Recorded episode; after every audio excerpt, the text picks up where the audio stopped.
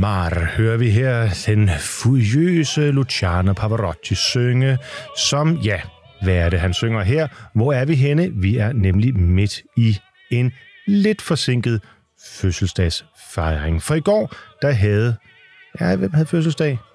Det skal vi finde ud af. Og for at blive klogere på dagens fødselar og en øh, ganske central del af musikhistorien, så har jeg fået ikke bare godt selskab, jeg vil sige forrygende godt selskab af pianist, musikformidler, tv-personlighed og nu, ah, ikke nu, men igennem lang tid også radiopersonlighed, Mathias Hammer. Tak skal du have, Morten. Tusind tak, fordi du er her. Det er mig en øh, stor glæde og fornøjelse. Og du er jo lidt af den klassiske øh, musiks øh, øh, svar på Erling Bundgaard. Øh, du er den havde jeg ikke hørt før. Tak. Quizmaster og, øh, og øh, faktotum inden for den klassiske musik. Hvad er dette? Hvad er det? Spørger Pete Van Dørs her. Lige præcis. For at være helt ærlig, det er godt, øh, der ikke er tv på nu. Jeg ved det ikke med sikkerhed. Øh, jeg kan jo fornemme, vi hører Pavarotti. Mm-hmm. Og jeg vil øh, våge den påstand, at det ikke er Pavarottis øh, sådan øh, kernerepertoire. Nej, fordi det er, det er jo ikke øh, sådan øh, italiensk øh, komponist. Altså, vi hører jo klassisk musik her, og mit umiddelbare bud, og det, det er jeg ret sikker på er rigtigt, vi hører Mozart. Ja, det vil jeg også godt medgive. Ja. Det er Wolfgang Amadeus Mozart. Det er ham, der i går ville have haft fødselsdag, hvis han ikke var død i så frygtelig ung alder. Ja, det er han det. ville nok være død alligevel. Han, han ville være død under alle omstændigheder, men han ville være fyldt, har jeg lige siddet og prøvet at regne på, 208 60 år. Ja, det passer meget godt. 1756. Yes. På den 27. januar. Og øhm, jeg vil godt medgive så, at øh, det her er ikke den mest spillede Mozart-opera. Den er måske også lidt den atypiske, og, og, og det er også derfor, at Luciano Pavarotti har, har indspillet denne, tror jeg, som den eneste af Mozarts 21. 21 opera. Mm-hmm. For det er Idomeneo. Idomeneo. Kretas konge. Lige præcis. Ja, ja som jo er... Øh, nogens yndlingsopera, og som ikke, ikke er min yndlingsopera, vil jeg sige. Ikke, eller, nej, hverken af Mozart eller i al almindelighed. Nej, præcis. Men nu er Pavarotti min yndlingssanger, ja, og derfor så skulle jeg finde en eller anden indgang til, uh, til det her. Hvordan, øh, hvordan i, i dit repertoire og din tilgang til, uh, til musikken, uh, Mathias, hvor er Mozart så henne? Han er naturligvis meget, meget højt, og det er sådan lidt... Øh det, det er næsten et banalt svar, for selvfølgelig er han det. Man kan sige, altså du kender, når man har et eller andet teknisk øh, device, og man har trykket på en hel masse, så kan man trykke på default. Ja. Så er man tilbage. Det er ligesom det, der er udgangspunktet. Og, så kan man, og på en måde tror jeg, jeg vil sige, Mozart, det er min default-komponist. Ah, ja. Mozart er den komponist, som ja, man kan sige, hvis du spørger alle verdens mennesker, nævn en klassisk komponist, så vil 95 procent af dem som den første sige Mozart. Ja. Hvis man kun kender en, så er det Mozart, man mm, kender. Mm, enig. Vi er vokset op med Mozart, det er jeg også. Øh, Mozart har jeg det enormt... Jeg har et meget, meget nært forhold til hans musik. Jeg elsker det. Men det er også den musik, jeg sætter på, den musik, jeg søger til, når jeg ikke kan blive inspireret til at finde på andet. Det er ligesom om, det er basen, det er bunden, og så en gang imellem, så kan jeg være i Schubert-humør, eller Chopin-humør, eller så vil jeg høre et eller andet øh, en Bach-fuga. Men når jeg sådan... Jeg tænker tit på, det kender du også, man sidder foran sin computer, man skal tjekke mails, man skal betale regninger med alt muligt kedeligt og opdatere sin kalender. Og egentlig skal man bare have noget musik i ørerne, i baggrunden. Som er det så, så Mozart, ret... du... Det er Mozart. Ah, okay. Det er så Mozart. han er ligesom udgangspunktet. Ja, det kan man sige. Ja, det er interessant. Øhm, for, for mig er, er Mozart et meget ambivalent forhold. Ja. Øhm, fordi jeg synes, på, på nogle stræk er det fuldstændig forrygende og altså, grænsende til, til, til guddommeligt.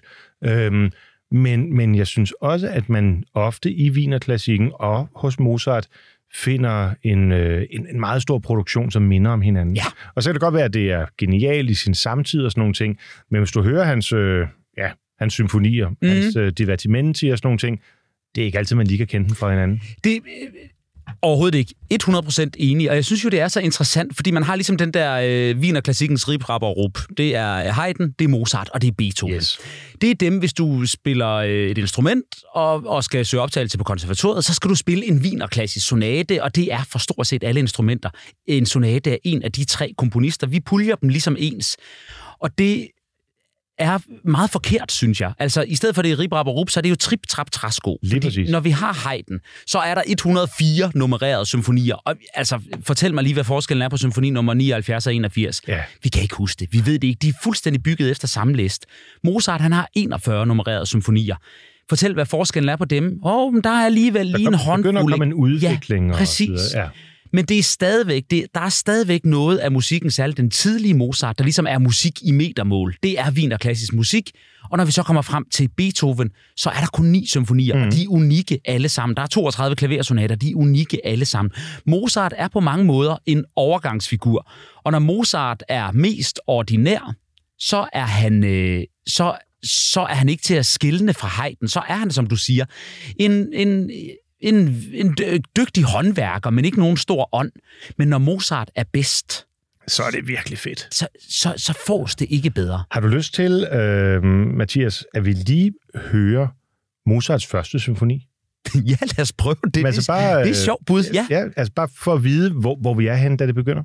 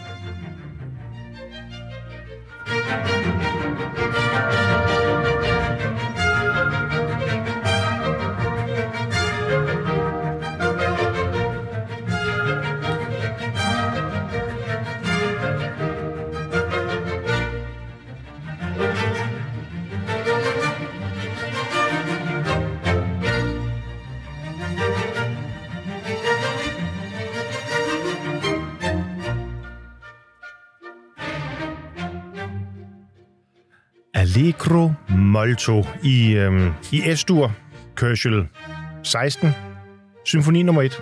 Ja, hvad siger du så? Hvad, øh, er det en, som øh, vil gå over i øh, verdenshistorien, tænker du, som et gennembrudsværk? Nej, det tænker jeg ikke. Den er kun med i den øh, musikhistoriske kanon af en eneste årsag, og det er, at komponisten hedder Wolfgang Amadeus Mozart. Meget rigtigt. altså, hvis den her var skrevet af en 32-årig bømisk øh, komponist, så var den jo... Jeg vil nok foreslå, at han skulle lave noget andet. Ja, den var rød på mødingen. Ja, ja. Men det er jo sjovt.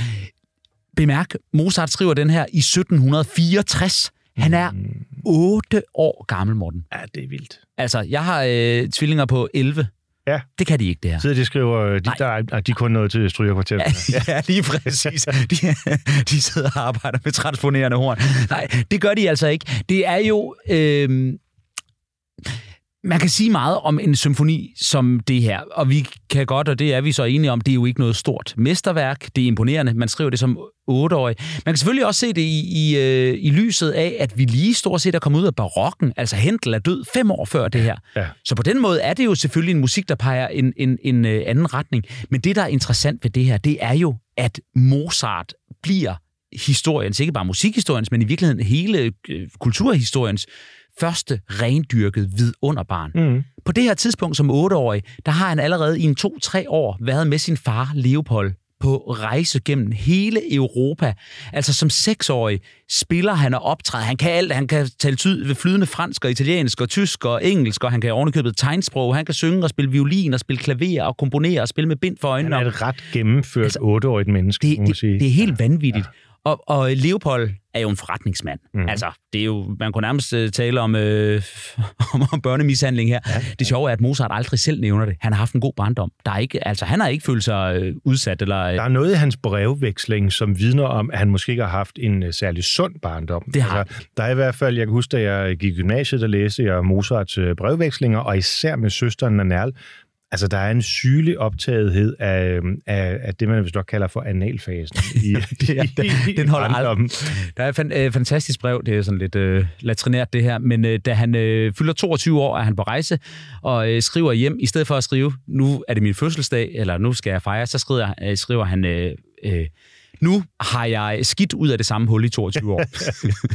det er jo en, en rørende, øh, på mange måder sand, ja. men også øh, i, lidt, lidt infantil øh, betragtning. Meget. Hvad, hvad er det så, der gør, at vi alligevel gider at beskæftige os med, øh, med Mozart øh, og, og, og også de tidlige værker? Fordi øh, ja, du siger, han skriver 41 øh, symfonier, og det er jo ikke dem alle sammen fra, øh, fra de tidlige år, som er gået fuldstændig glemt. Den her indspilning, for eksempel, som jo er, er, er Adam Fischer, øh, hvor man har indspillet alle 45, ja, mm. og så lige kommet et par ekstra til siden øh, han gik bort. Øh, ja, altså man, man tænker, at han har skrevet cirka 60 symfonier. Der er 41 nummereret. I dag, når man spiller alle Mozarts symfonier, så er det 45. Det er 41 plus fire ekstra, man har fundet. Ja. Altså. Det er lidt svært, fordi det er mange år siden, og noget af det er forsvundet. Og har noget at gøre med, at man også sådan øh, løbende finder. Ja, der var en, I 80'erne, der fandt man lige pludselig en i Odense. Ja, det er nemlig rigtigt. Ja. Der fandt man ja. Odense Symfoni, men det er fantastisk ja. historie, ikke? Og der er en blandt de 41 symfonier, som ikke er skrevet af Mozart, jeg kan ikke huske, om det er nummer 6. Det ved man simpelthen. Ja, den er skrevet af Michael Haydn, af Josef Haydns ah, lillebror. Det har man fundet ud af, at det var en fejl. Som faktisk ikke er nogen helt ringe komponist. Nej, det er han nemlig ikke. Øh, det er han ikke. Vi, øh, vi øh, havde på et tidspunkt det her i øh, Kammerton, hvor vi gennemgik øh, Wiener-klassikken, øh, og øh, der er faktisk noget af, af Michael Haydns musik, som øh, minder ret meget om noget, Mozart har skrevet, ja. bare efterfølgende. Jeg tror ikke, det er helt øh, på månen at forestille sig, at at Mozart har siddet og lyttet til noget, Michael Haydn tror... jeg tænkte, det der, det kan jeg gøre lige så godt. Og de kendte jo hinanden. Mm. De var gode venner. Mm. Øh, han, øh, Mozart så meget op til denne Michael Haydn. Jeg tror, Michael Haydn havde et, et lidt vanskeligt liv. Han havde øh, alkoholmisbrug og... Mm. Øh, og, og, og havde det på mange måder svært, og var stod i modsætning til sin meget kontrollerede øh, bror, Josef Haydn. Men jeg tror, Mozart kunne spejle sig i, i Michael Haydn. Men når, når du siger, hvorfor holder vi fast i den tidlige Mozart, så tror jeg ligesom, der er to årsager til det. Der er det med, at musikhistorien er øh, lige dele øh, selvfølgelig glæden ved musikken, men det er også fortællingen. Det er også det historiske, det er også myten. Ja, og Mozart ja. er den største myte af dem alle sammen. Hvor tror du, det stammer fra? Jeg tror i virkeligheden, at det stammer fra årene efter Mozarts død. Altså Mozart, han dør i 1791 i, i december. Inden da, det, det er to år efter den franske revolution. Det er øh, knap to og ti år efter, at Goethe har skrevet Den unge værters lidelser. Ja. Romantikken er på vej. Er på vej ja, altså ja. det er lige der Beethoven kommer til Wien. Nu åbner der sig. Og dermed så åbner så småt den der fortælling, den romantiske fortælling om geniet, om eneren, om personen, den har Bach eller Haydn jo ikke for alvor været en del af. Men her har vi lige pludselig personificeringen af, af det geni, der, har, der, har, der, der simpelthen taler direkte fra Gud igennem sig selv til os mennesker. Og derfor er der sådan en mytedyrkelse omkring Mozart, som på en måde bliver musikhistoriens første ved at våge. Så han har ikke bare været øh, manden, der kunne alting, han har også været på det rette sted. Det det, det er min helt klare ja, overbevisning. Ja. Jamen, det tror jeg er en god, øh, en god pointe. Nu hørte vi noget af hans, øh, hans øh, tidlige musik øh, før. Det er ikke noget, som måske på den måde øh, bliver lyttet til i dag. Men bare for at gøre øh, Mozart øh, retfærdighed, øh, retfærdighed, så synes jeg, vi skal høre noget af det, som måske er en lille smule mere kendt.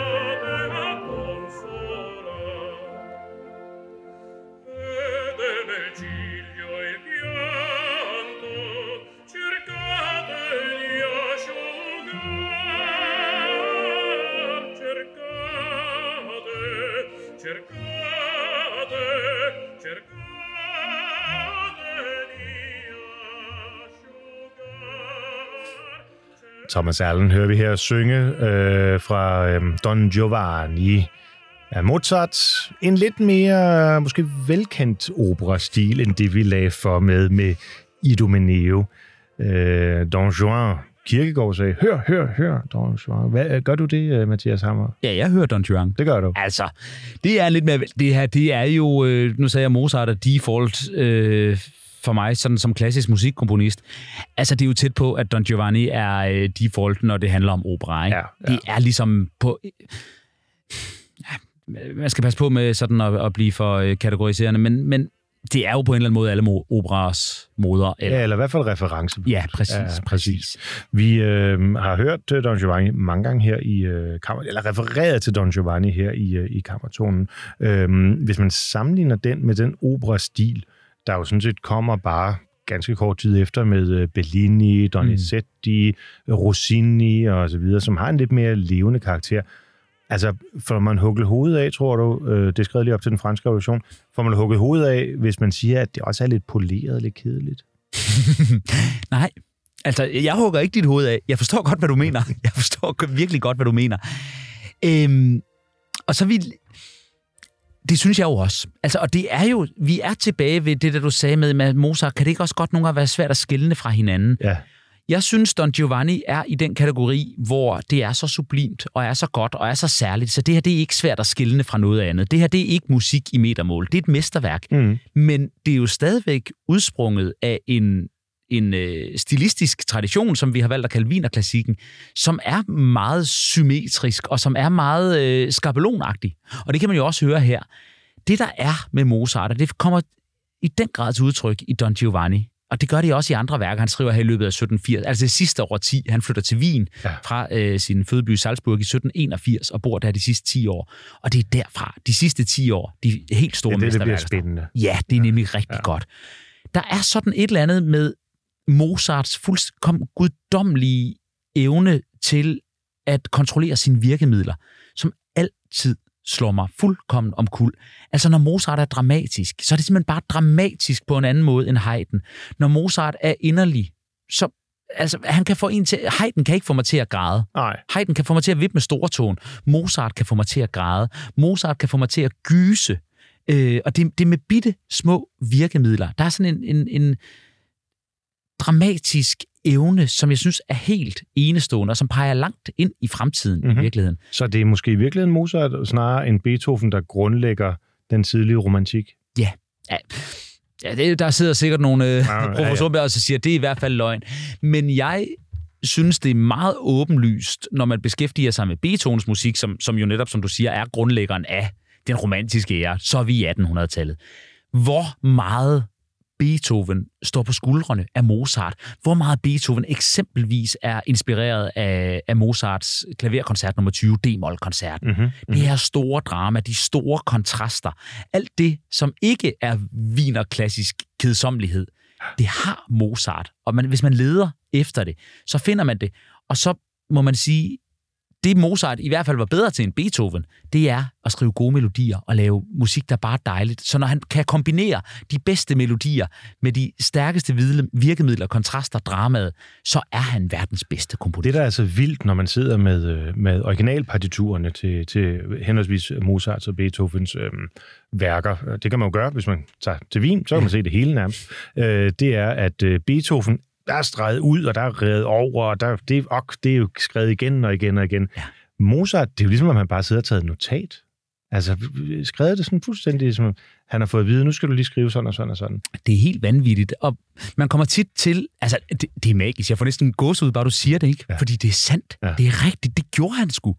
Øhm, og, og man har, altså, der er rigtig meget om Mozart-myten, som er blevet øh, låst fast af Millers formand, i øvrigt fuldstændig fremragende, mm, oh ja. Amadeus-film fra, fra, fra 1984, ja. Peter Schaffers skuespil, som blev filmatiseret i 84, og som jo vandt Oscars, og som de fleste mennesker i verden har set. Og som man for nylig også kunne se det i genopsætning på det kongelige Fuldstændig, altså, det, er, det er blevet en evergreen. Ja, ja, det er ja. det virkelig.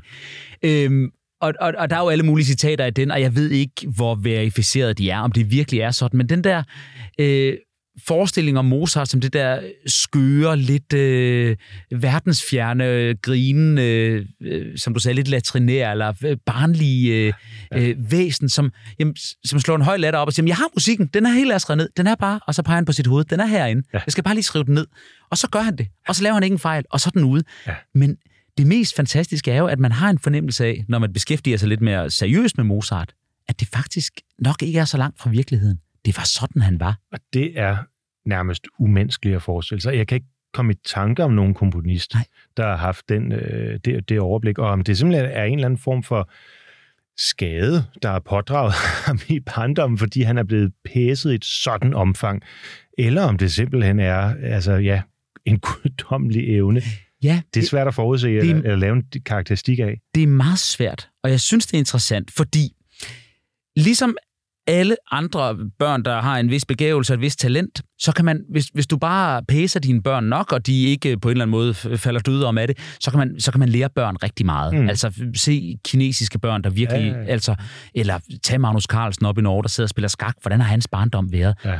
Men, og det kan man selvfølgelig også lære som komponist, og som vi siger, den vinerklassiske stil er noget, man faktisk kan tillære sig. I dag kunne man der er godt... meget håndværk i Ja, det er det. Jeg tror ja, godt, man kunne få en, øh, en øh, AI, en kunstig intelligens, til at skrive en symfoni i vinerklassisk mm. stil, som vil lyde hederlig.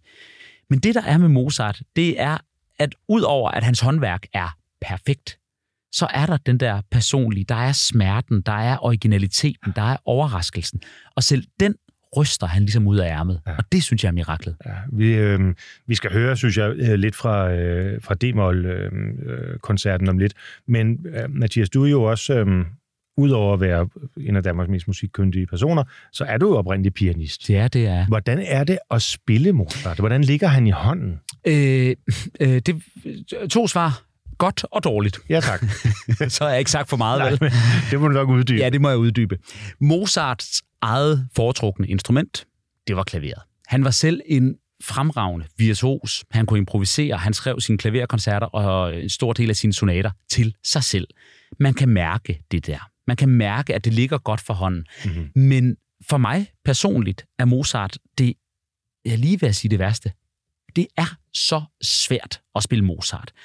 Og det er, det, det er der mange, der siger, fordi det er meget, det er meget penibelt, det er meget tyndt, det er meget let. Altså, en mindste lille unødagtighed, når du spiller Mozart, kan høres. Mm. Det kan det ikke, når du spiller Rachmaninoff. Nej, det fylder det, så meget. Det fylder så meget, ja, ja. der er så meget, der bare er en klang og en pedal i bund og masser af toner, og det går nok.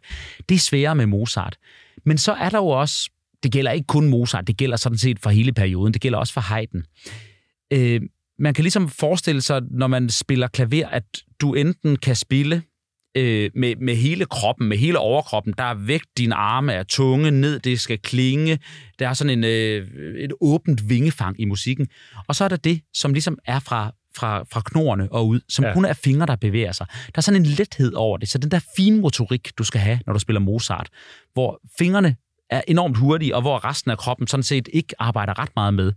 Det er sådan, man spiller Mozart, og det kan man sige, jeg personligt har, har svært ved. Jeg kan bedre lide at trykke pedalen ned og øh, få sådan en stor Brahms-klang, Ja, end jeg kan ja. ja. lide de der små øh, hurtige triller og øh, en venstre hånd med Alberti-bass og sådan noget. Jeg synes lige, vi skal høre lidt fra øh, ja, den, øh, den øh, 40. 20. Øh, klaverkoncert, og det bliver så her med, øh, med øh, Friedrich øh, Gulda og Claudio Bardo.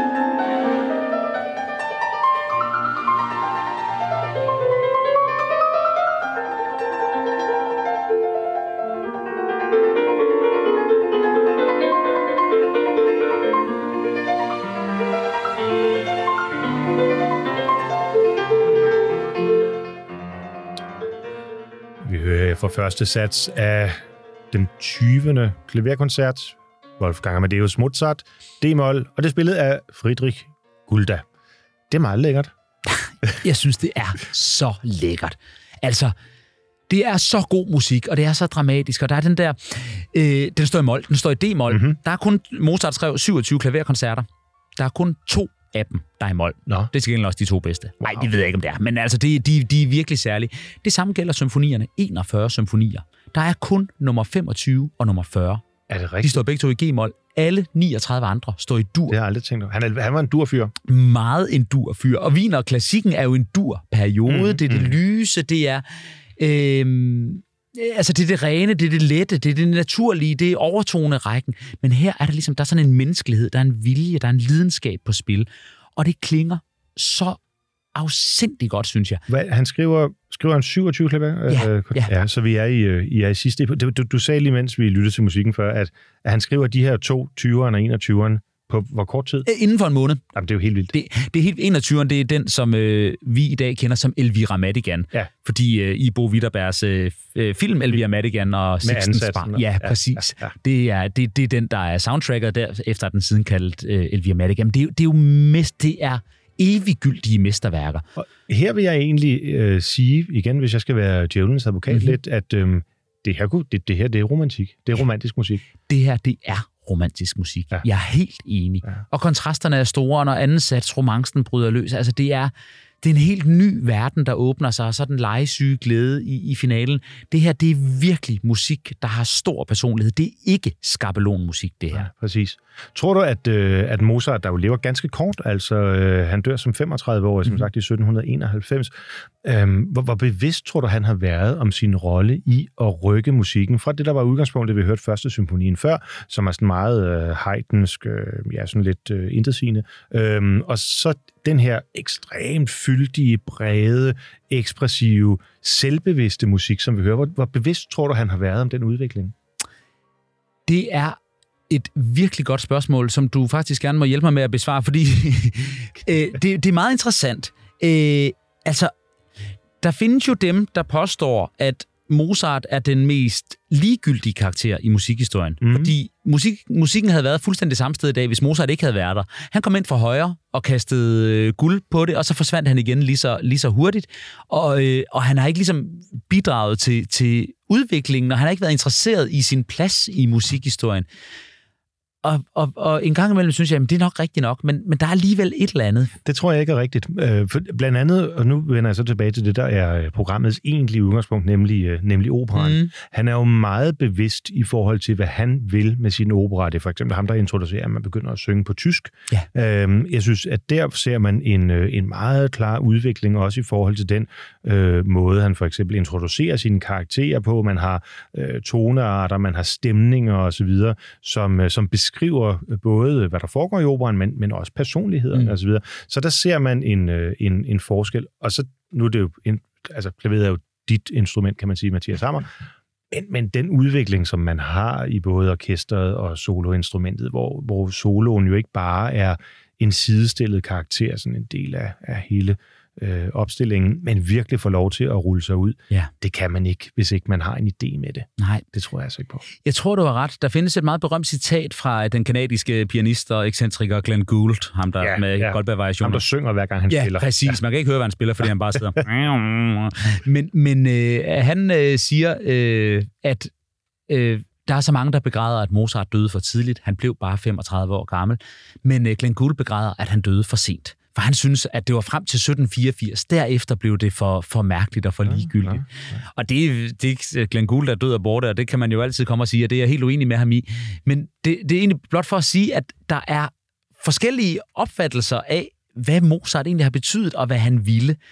Jeg kan ikke lade være med at tænke på, som jeg også sagde tidligere, de sidste 10 år af hans liv, det er helt vildt, hvad han skaber. Han dør jo så i 1791, den 5. december.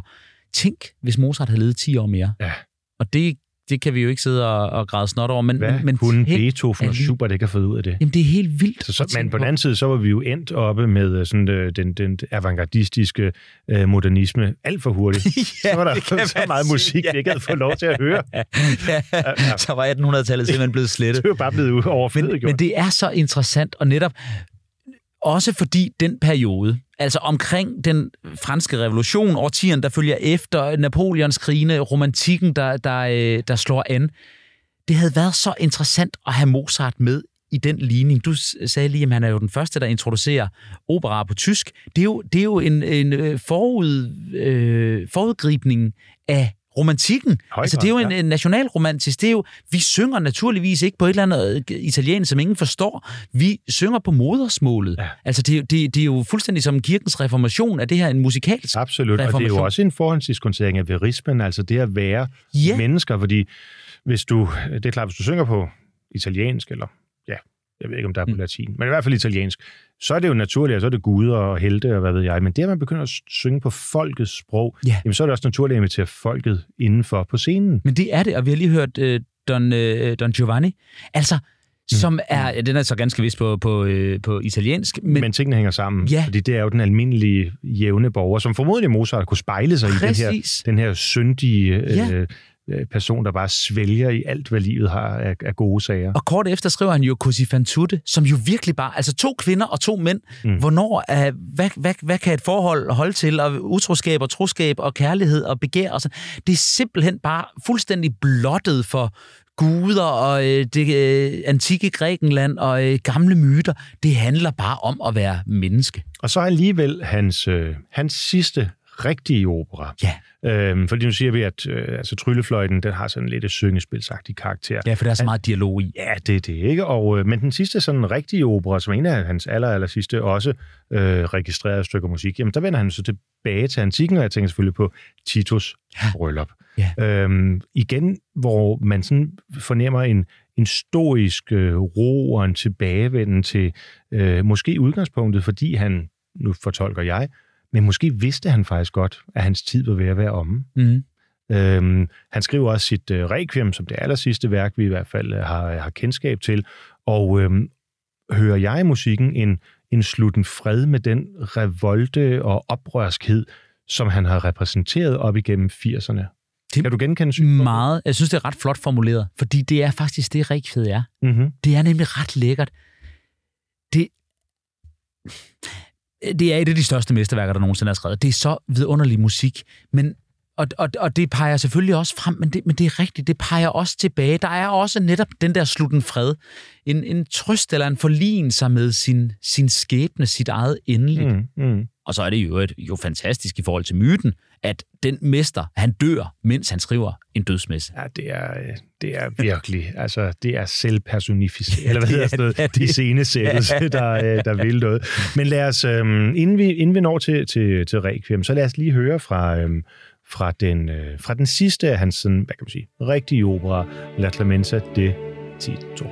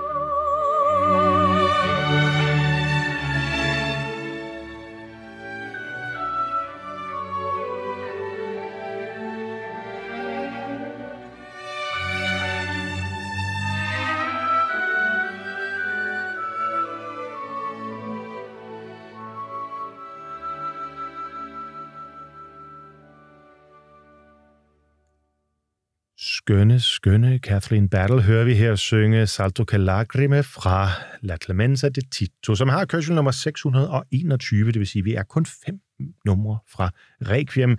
Det lakker mod enden, og øhm, det, er, det, det er måske lidt uh, dramatisk måde at udlægge på. det er godt. Det, det, det er virkelig smukt, ikke? Og man, øh, jeg synes, man, man, man tænker det her som en afrunding på meget af den øh, musik, hvis man tænker på afslutningen fra øh, Figaros bryllup, øh, Tatsetten, det her, hvordan, eller er det sekstetten, det kan jeg ikke huske. Øhm, hele ja. den stemning, får man genkaldt heroppe øh, 10, 10 år øh, senere. Det er meget interessant. Ja, det synes jeg, det er. Ja. Øhm, fordi, altså jeg ved ikke, om, om Mozart vidste, at, at døden stod og bankede på døren. Øhm, men, men der er et eller andet afslutning i den musik, han skriver op til. Ja, og det er helt magisk. Ja, det synes jeg. Hvordan øh, tror du, at opera, du bliver det sådan lidt kontrafaktisk, øh, øh, Mathias Hammer, men hvordan tror du, at øh, operan havde udviklet sig herfra, hvis ikke Mozart var død? Der går en lang periode i virkeligheden, hvor, der, hvor vi skal op til Belcantoen, før det begynder at bevæge sig igen, for ja. Beethoven er jo ikke ligefrem den store operakomponist. Nej, han skriver en enkelt, og den øh, er meget beethovensk, men, ja. men kommer nok ikke til for alvor sådan, måske Beethoven-historien fylder den, men ikke så meget i opera-historien. Ved du godt, jeg kan en lille uh, Fidelio-anekdote. Ja. Uh, da den kom til, uh, til Danmark, jeg mener, I, vi er oppe i, uh, i 1820'erne, 30'erne der, der, der, der går lidt tid. Uh, folk synes simpelthen, den var så kedelig. Ja. Og uh, den eneste måde, man kunne få folk til at komme ind og høre anden akt, det var, at man lige sendte uh, syngepiger uh, direkte uh, fra, uh, ud fra Frederiksberg de kom lige ind og underholdt i, I pausen. pausen. så vidste man, at folk de blev. Ja. så, øh, så, meget, så meget for, øh, ja, for Beethovens opera-egenskaber. Øh, øh, men jeg tror, Mozarts betydning er allerstørst, når det kommer til netop opera. Altså, jeg har svært ved at se, kan du pege på andre komponisters operaer fra 1770'erne eller 80'erne, som vi hører i dag. Nej, altså Schubert skriver jo faktisk en hulens masse opera, ja. og jeg kan ikke nævne en eneste. Nej, det kan jeg heller ikke. Og det... Øh, og, og, og det, det er en død periode, når det kommer til det. Ja. Altså virtuosen på violinen, på klaveret osv., det lever videre. Men der sker noget med operan, som om, at den ikke rigtig ved, hvor den vil hen herfra. Den aner ikke, hvad den skal. Men det er jo også, altså, det er jo også ret banebrydende, det han gør, fordi vi kommer fra baroktraditionen, og så har ja, Gluck taget over ja. i 1760'erne. Det var sin reformopera. Ja, præcis, og, ja, præcis. Men som jo stadigvæk har det der italienske præg, og det mytiske præg, og det overfører sig i Eurydice, og, det, og, og vi, er til, vi, vi er tilbage i det antikke Grækenland, og så ja. kommer Mozart med det her, og så er det som om til sidst, så trækker han alligevel lidt i land, og måske er det øh, øh, Clementa, øh, nej, hvad hedder det? Titus, ja, Titus ja, ja, ja, ja. ja, ja. Øhm, og, og der er sådan et dødvande. Hvor skal vi hen? Skal vi ind i romantikken? Skal vi tilbage til, til det gamle græske med de italienske tekster? Hvad er det, vi skal? Ja. Og Beethoven prøver noget, men det er sangmæssigt ikke velfungerende. Præcis. Og så skal vi faktisk op... Altså, man, hvornår skriver øh, Karl Maria von Weber sin, sin ja, der er vi oppe i, der er vi oppe i, jeg tror, 25, ja. 30, sådan noget. Og der kan man sige, der begynder romantikken så, og det er jo så, og der har øh, Rossini og, og Bellini så været i gang. Det er jo i 1800 10 eller sådan noget, ja, de begynder ja. at folde sig ud. Ikke? Ja. Og jeg tror ikke, at, øh, at altså, jeg tror ikke, det er en tilfældighed, at det er en død periode, for der bliver jo ikke, det er jo ikke, fordi der ikke bliver skrevet noget. Vi hører det bare ikke. Jeg tror bare, det har været enormt svært at samle op. Ja. Øhm, og det er, øh, og det, det, derfor har vi jo meget takket Belcanto-genren for, fordi så bevæger det sig i en, i, en, i en ny retning. Mathias, du er jo pianist, og øhm, har spillet rigtig meget Mozart. Kan man sige det samme om, øh, om øh, øh, klavermusikken? Altså, hvor, øh, hvor bevæger du? Du, du mm, kender sikkert mm. øh, også øh, yeah. de sidste klaverkoncerter og sonater osv. Yeah, yeah. Er der egentlig en mere naturlig overgang der til det, der så følger med Schubert og Beethoven? Det mener jeg jo i høj grad, der er. Ja. Øh, og spørgsmålet er, om det er fordi Mozart gør noget særligt inden for genrerne, eller det er fordi dem, der følger efter, måske, ligesom Mozart var en genial operakomponist, så kan vi vel godt tillade os at sige, det har vi nærmest allerede gjort, at Beethoven ikke var en genial operakomponist. Jo. Til gengæld var det Beethoven... tror jeg også, sangerne er meget enige. Ja, det tror jeg ja. bestemt også. Altså bare kor og sanger, der skal synge Beethovens 9. De, de, Præcis. de, de, de, de, de hader det. Øhm, men Mozart, nej, Beethoven var en enestående og muligt endnu større pianist end Mozart. Mm-hmm. Og derfor er Beethovens klavermusik en meget naturlig forlængelse af, af Mozart. Schuberts klavermusik er også, han var også en begavet pianist, indvarsler, det er så meget romantisk, øh, og, og meget lidt aggressivt i forhold til Beethovens, men dog fantastisk god klavermusik. Så man kan sige, klavermusikken i hvert fald har ikke haft det der dødvande. Altså, den er bare, den er bare fortsat.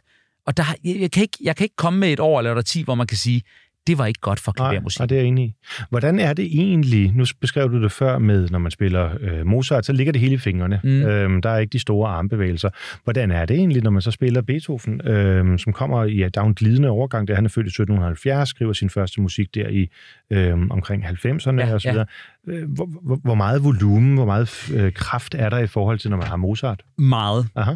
Og det bliver mere og mere. Hvis du spiller Beethovens øh, øh, første sonate, hans F-mol sonate, opus 2, øh, så er det jo stadigvæk let, og man skal... Man, men, men når du er oppe i de seneste sonater, eller de store, altså Kaiser-koncerten, klaverkoncert ja, nummer 5, ja. det er jo en kæmpe lyd, det er jo romantisk musik, men det hænger også sammen med, og det skal man også huske på, at det er lige præcis i de her år, at rigtig mange instrumenter, men særligt tangentinstrumenterne, særligt klaver, øh, eller tastaturinstrumenterne, udvikler sig. Altså, da Mozart er barn, der findes stort set ikke klaver. Der er en eller anden form for klavikord, ah, men ellers så sidder ja. han og spiller på cembalo jo. Ja, ja. Og så får han de her sådan... Øh, så det er også noget fysisk ja, i virkeligheden. Ja, det er det nemlig. Mm.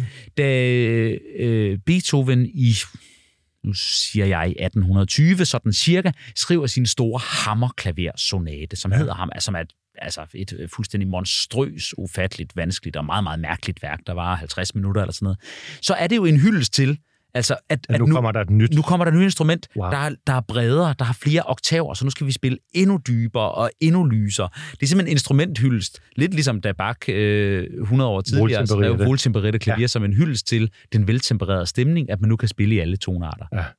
Det må også være, ja, nu, det, det er måske lidt en fordom, men når Beethoven bliver så meget voldsommere, især i den sidste del af hans øh, virke, kan det have noget at gøre med, at han ikke kan høre? Ja, det, det kan have noget at gøre med et tragisk, personligt ja. liv. Ja. Han, han, han kan ikke høre. Altså, han er, verdens største komponist har mistet hørelsen. Det er virkelig tragisk, ja, ikke? Ja. Han er misforstået, han er aldrig blevet elsket, han har ikke nogen familie, han lever alene, han er, har ondt alle steder. Og så tror jeg i høj grad også, det har noget at gøre med, at han er enormt øh, opvagt samfundsbevidst. Han er jo revolutionær. Det er klart. Han er liberal. Han troede på Napoleons idéer. Han er selv født uden blot blod i årene. Han er ikke noget fint menneske. Han har ingen gode manerer.